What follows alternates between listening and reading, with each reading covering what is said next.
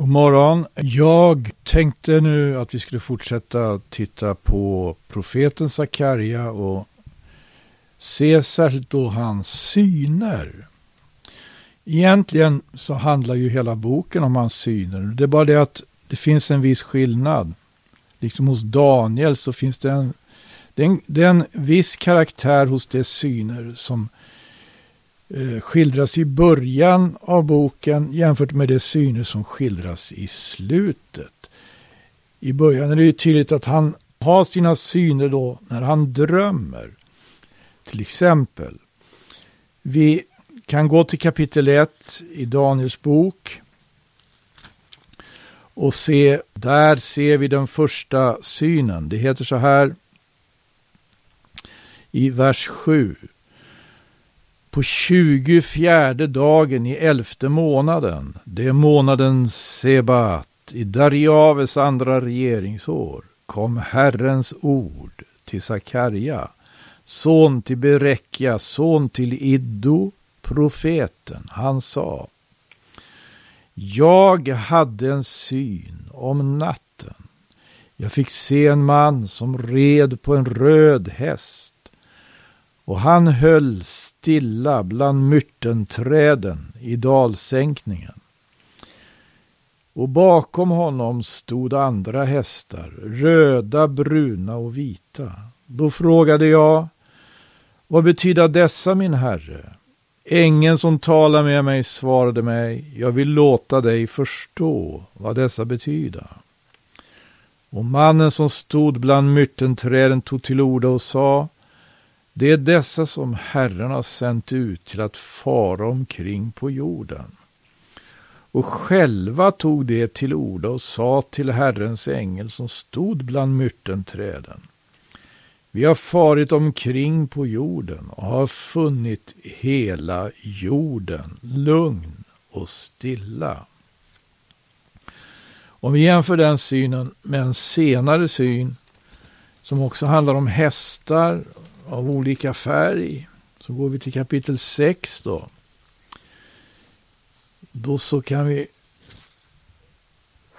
I kapitel 6 där heter det så här. När jag sedan åter, sedan åter, det har alltså hänt någonting mellan kapitel 1 och kapitel 6. Ja, vi ska titta på det också.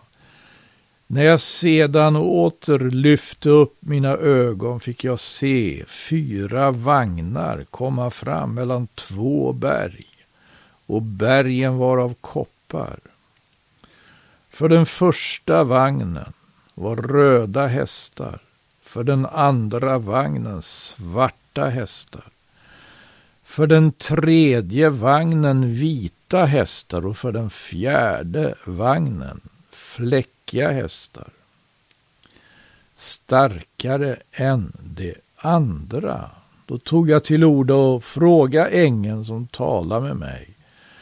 Vad betyder dessa, min herre? Ängeln svarade och sa till mig, det är himmelens fyra vindar. Vi kan nu dra ut sedan de har fått träda inför hela jordens herre. Vagnen med de svarta hästarna drar mot Nordlandet, det vita följer efter dem och det fläckiga drar mot sydlandet. Men när det som var starkast skulle dra ut var det ivriga att få fara omkring på jorden. Då sa han, ja, ni må fara omkring på jorden. Och det for och stad omkring på jorden. Därefter ropade han på mig och talade till mig och sa, se, genom dem som draga ut mot Nordlandet ska jag släcka min vrede på Nordlandet. Guds vrede, det är ju ett tema här för Sakarja. Sakarja inleder ju med att påminna om att Herren var svårt förtörnad på deras fäder. Men eh, så har han nu inte längre, så, så är han inte sinnad längre, Herren. Efter att de har varit i 70 år i Babel. Och synen i första kapitlet med de tre olikfärgade hästarna, röda, bruna och vita. Och synen i det sjätte kapitlet med de fyra olikfärgade, fyra olikfärgade hästarna. Som dessutom drog vagnar. Där emellan de här synerna så ser vi någonting av hur eh, Nya Testamentet eh, på något sätt antyds och Guds frälsningsplan. Men vi ska undersöka först lite närmare den första synen då. Om de tre olikfärgade hästarna. De var röda, bruna och vita. Ja. Och profeten som får se den här synen frågar vad betyder dessa? Ja, det, det skulle vi vilja veta.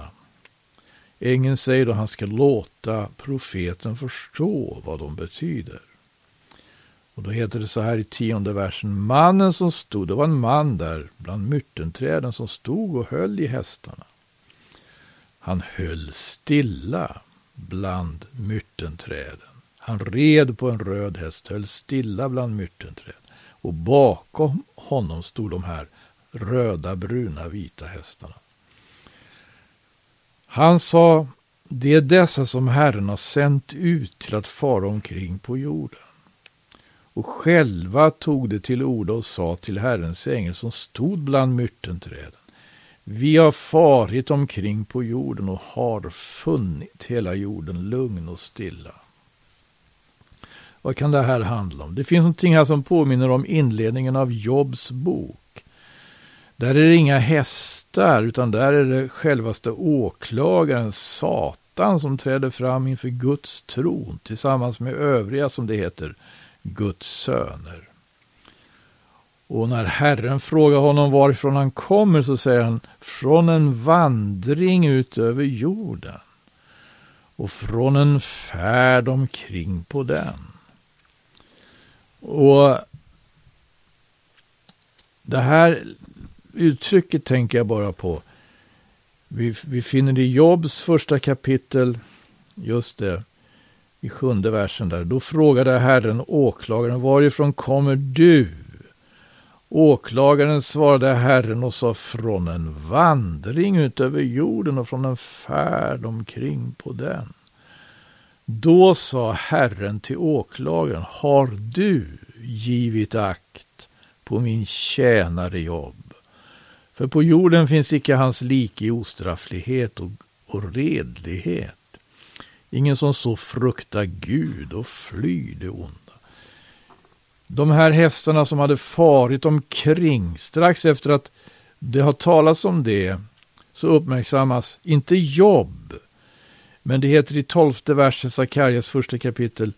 Då tog Herrens ängel åter till ord och sa, Herre Sebot, hur länge ska det dröja innan du förbarmar dig över Jerusalem och Judas städer. Du har ju nu varit vred på dem i, i 70 år. Och, e, och, och Herren svarade ängeln som talar med mig, goda och tröstliga ord. Och då heter det, ängeln som talar med mig sa sen till mig, predika och säg, så säger Herren Sebaot. Jag har stor nitälskan för Jerusalem och Sion. Och jag är storligen förtörnad på hedna folken som sitter så säkra. För när jag var endast allenast lite förtörnad hjälpte det ytterligare till att fördärva. Svårt förtörnad var Herren på era fäder, läste vi i vers 2, och men nu i vers 15 jag är storligen förtörnad på hedna folken. Guds vrede hade alltså vänt sig från Israel och var istället nu riktad mot hedna folken. Alltså, om vi jämför hästarna med Satan, det är faktiskt att gå lite långt. Men vi vet att Satan är en väldigt pådrivande kraft bakom världsrikena. Han är faktiskt det. Bakom världsrikena har Satan inte sällan skaffat sig väldiga eh, byggt upp en väldig styrka och förmåga att motivera. Och världsrikena rör sig över jorden. Och i Jobs bok hade Satan själv eh, fa, eh, varit på vandring utöver jorden och från en färd på, omkring på den. I Sakarja är det de här hästarna, röda, bruna och vita. Det står om dem att de, har, de svarar själva, står det, vi har farit omkring på jorden, har funnit hela jorden lugn och stilla. Och så direkt uppmärksammas den rättfärdige, eller den som skulle vara rätt. Det är bara en väldigt stor skillnad. För den rättfärdige jobb, han erfor en väldig välfärd. Det står om hans rikedom. Han var verkligen Gud. Det fanns ingen som så fruktade Gud och flydde det onda som jobb. Han var dessutom väldigt rik. I, i fråga om Jerusalem då, eh, då heter det ju att hur länge ska det dröja innan du förbarmar dig över Jerusalem och Judastäder? Jerusalem skulle ju vara rättfärdighetens boning. Där skulle ju Gud, gudstjänst firas. Det skulle verkligen, det skulle, vara, det skulle blomstra, men det hade avfallit. Och det hade blivit straffade, förda bort i fångenskap och nu hade det stått du, du har ju nu varit vred på dem i 70 år. Guds vrede hade brunnit mot det här folket och de hade förts bort i fångenskap. De hade verkligen inte upplevt välfärd. Men någonting av det här, alltså världsanden då, världsrikena, liksom som är i ständig rörelse, utvidgas eller förminskas, utbreder sig eller reduceras. Och i det här dramat, i det här historiska dramat, så har Gud sina tankar och Gud har sina planer. Och Gud har sin försyn. Och den försynen gällde i sin tid jobb, verkligen. Det gällde jobb, för jobb fruktade Gud. Den försynen gäller sannerligen Israels folk, de tolv stammarna som på ett särskilt sätt har tagits ut och kallats och utrustats för att tjäna Gud, för att vara ett rättfärdighetens fäste i världen, på jorden, i tiden. Och jag behöver väl inte påminna om att denna försyn också gäller församlingen, eklesian, den kristna församlingen, staden på berget. Det är just detta som Satan hatar och här driver han på världsrikena så att de eh, förföljer. Men i det här fallet så var ju världsriket Persien förmodligen med de tre olikfärgade hästarna och Persien vet vi det var ett världsrike som ställde sig annorlunda i förhållande till judarna än vad det tidigare eh, riket eh, som hade upplevt storhetstid Babel var. Babel hade ju kommit över det judiska folket och fört dem bort i fångenskap. Här tror jag alltså att vi har någonting av, det antyds i synen med de tre olikfärgade hästarna i kapitel 1. Det är inte tre hästar, men de har tre olika färger. Och de fyrolikfärgade hästarna i kapitel 6 här antyds någonting av det som Daniel talar om. Han talar om olika världsriken. Det är förmodligen alltså eh, de, de, de, de, i, i sjätte kapitlet har vi fyra olika färger och det verkar vara betydligt mer eh, eh rasande då hästar, en del av dem i alla fall. Och det förmodligen talar om kommande då eh, grekisk-makedoniska riket eller rent av romarriket. Men mellan den här tiden då perserna faktiskt befriade perserkonungen Kores utfärdade ju ett dikt där det blev alltså där judarna fick återvända. Och just det här skedet är det som Sakarja träder fram. Sakarja och Haggai. Och, och då ska vi se på synen i kapitel 3, vänta med kapitel 2 här, så går vi till kapitel 3, därför det är oerhört intressant. Då ser vi just det här, om vi säger, det finns en, en andlig konflikt, en, en andlig strid som utkämpas genom hela världshistorien. Och här får överste prästen Josua representera Guds tankar på ett särskilt Det heter så här i tredje kapitlet. Sedan lät han mig se översteprästen Josua stående inför Herrens ängel. Och åklagaren stod vid hans högra sida för att anklaga honom. Men Herren sa till åklagaren, Herren ska näpsa dig, du åklagare. Ja, Herren ska näpsa dig.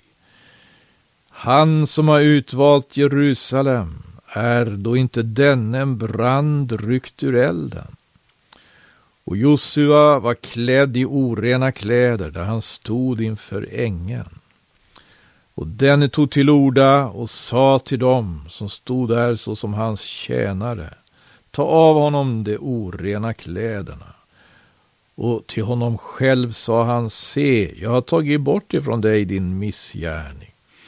Och man ska nu kläda dig i högtidskläder. Då sa jag, må man och sätta en ren bindel på hans huvud. Och det satt en ren bindel på hans huvud och klädde på honom andra kläder.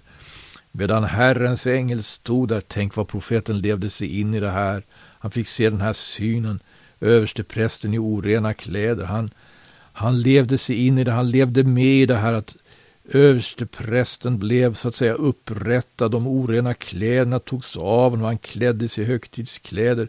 Profeten ropar själv ut här, må man också sätta en ren bindel på hans huvud. Han levde med, han kände med det här.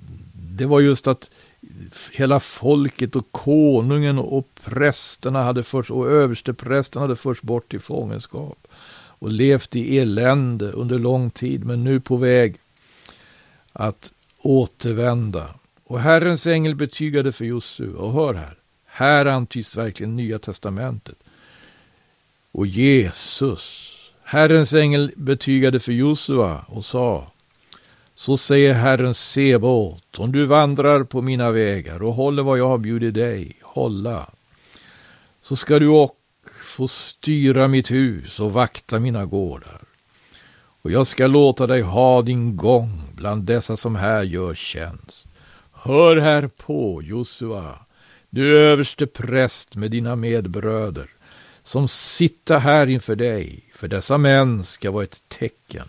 Se, jag vill låta min tjänare telningen komma. Jag vill låta min tjänare telningen, märkligt telningen, det här, det här påminner ju direkt om Jesajas profetia om telningen från Isais avhuggna stam som ska komma. Det heter ju i elfte kapitlet i Jesajas bok i vers 1 där. Ett skott ska skjuta upp ur Isais avhuggna stam och en telning från dess rötter ska bära frukt. Det är profetia här om Jesus, Guds mode. Se, jag vill låta min tjänare telningen komma. Ty se, i den sten som jag har lagt inför Josua, över vilken ena sten sju ögon vaka. I den ska jag inrista den inskrift som hör därtill, säger Herren Sebaot, och jag ska utplåna detta lands missgärning på en enda dag. Vilken underbar profetia om frälsningen i Kristus. Och här har vi översteprästen och han som skulle, som det heter, när Hebreerbrevets författare jämför prästerna och översteprästen efter Arons sätt med, med Jesus Kristus som är en överstepräst, inte efter Arons sätt utan efter Melkisedeks sätt. Så har vi skillnad mellan den som offrar dagligen, ständigt bär fram offer för synder och den som gör det en gång för alla en gång för alla. Eh, och det antyds alltså någonting här Och det är ganska märkligt hur, hur Sakarja utvecklar det här, för det, det verkar inte som han hinner utveckla det riktigt som han kanske skulle önska. Det återkommer det här om telningen i Sakarjas bok. Men eh, någonting av det mest märkliga med Sakarja tycker jag just att Jesus Kristus själv nämner om honom. Han nämner om Sakarja, Barakias son, när han eh, gisslar skriftlärd och fariseer i Matteus evangeliets 23 kapitel och tar exempel från historien och verkligen eh, verkligen eh, strängt eh, bestraffar de skriftlärda och fariseerna. I 23 kapitlet i Matteus evangelium då han har hela kapitlet faktiskt ägnat sig åt det här. ve-ropet. Ve er, ni skriftlärda och fariser, ve er, återkommer. Och i slutet så säger han så här i 33 versen, ni ormar, ni huggormars avföda, hur skulle ni kunna söka undgå att dömas till Gehenna? Se, därför sänder jag till er profeter och vis och skriftlärda.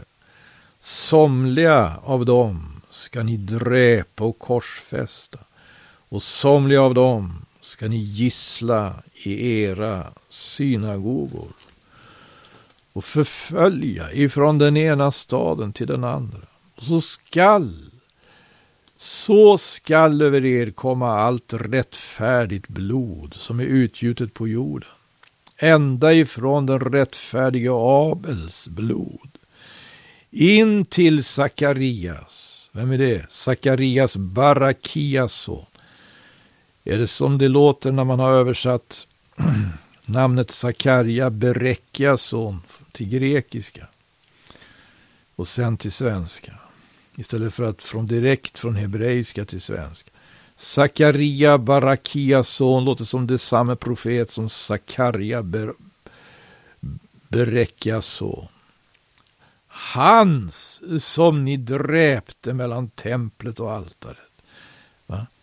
Sannerligen säger allt detta ska komma över detta släkt. Han som ni dräpte. Ja, därför Jesus betonar ju att de, hade han sagt tidigare,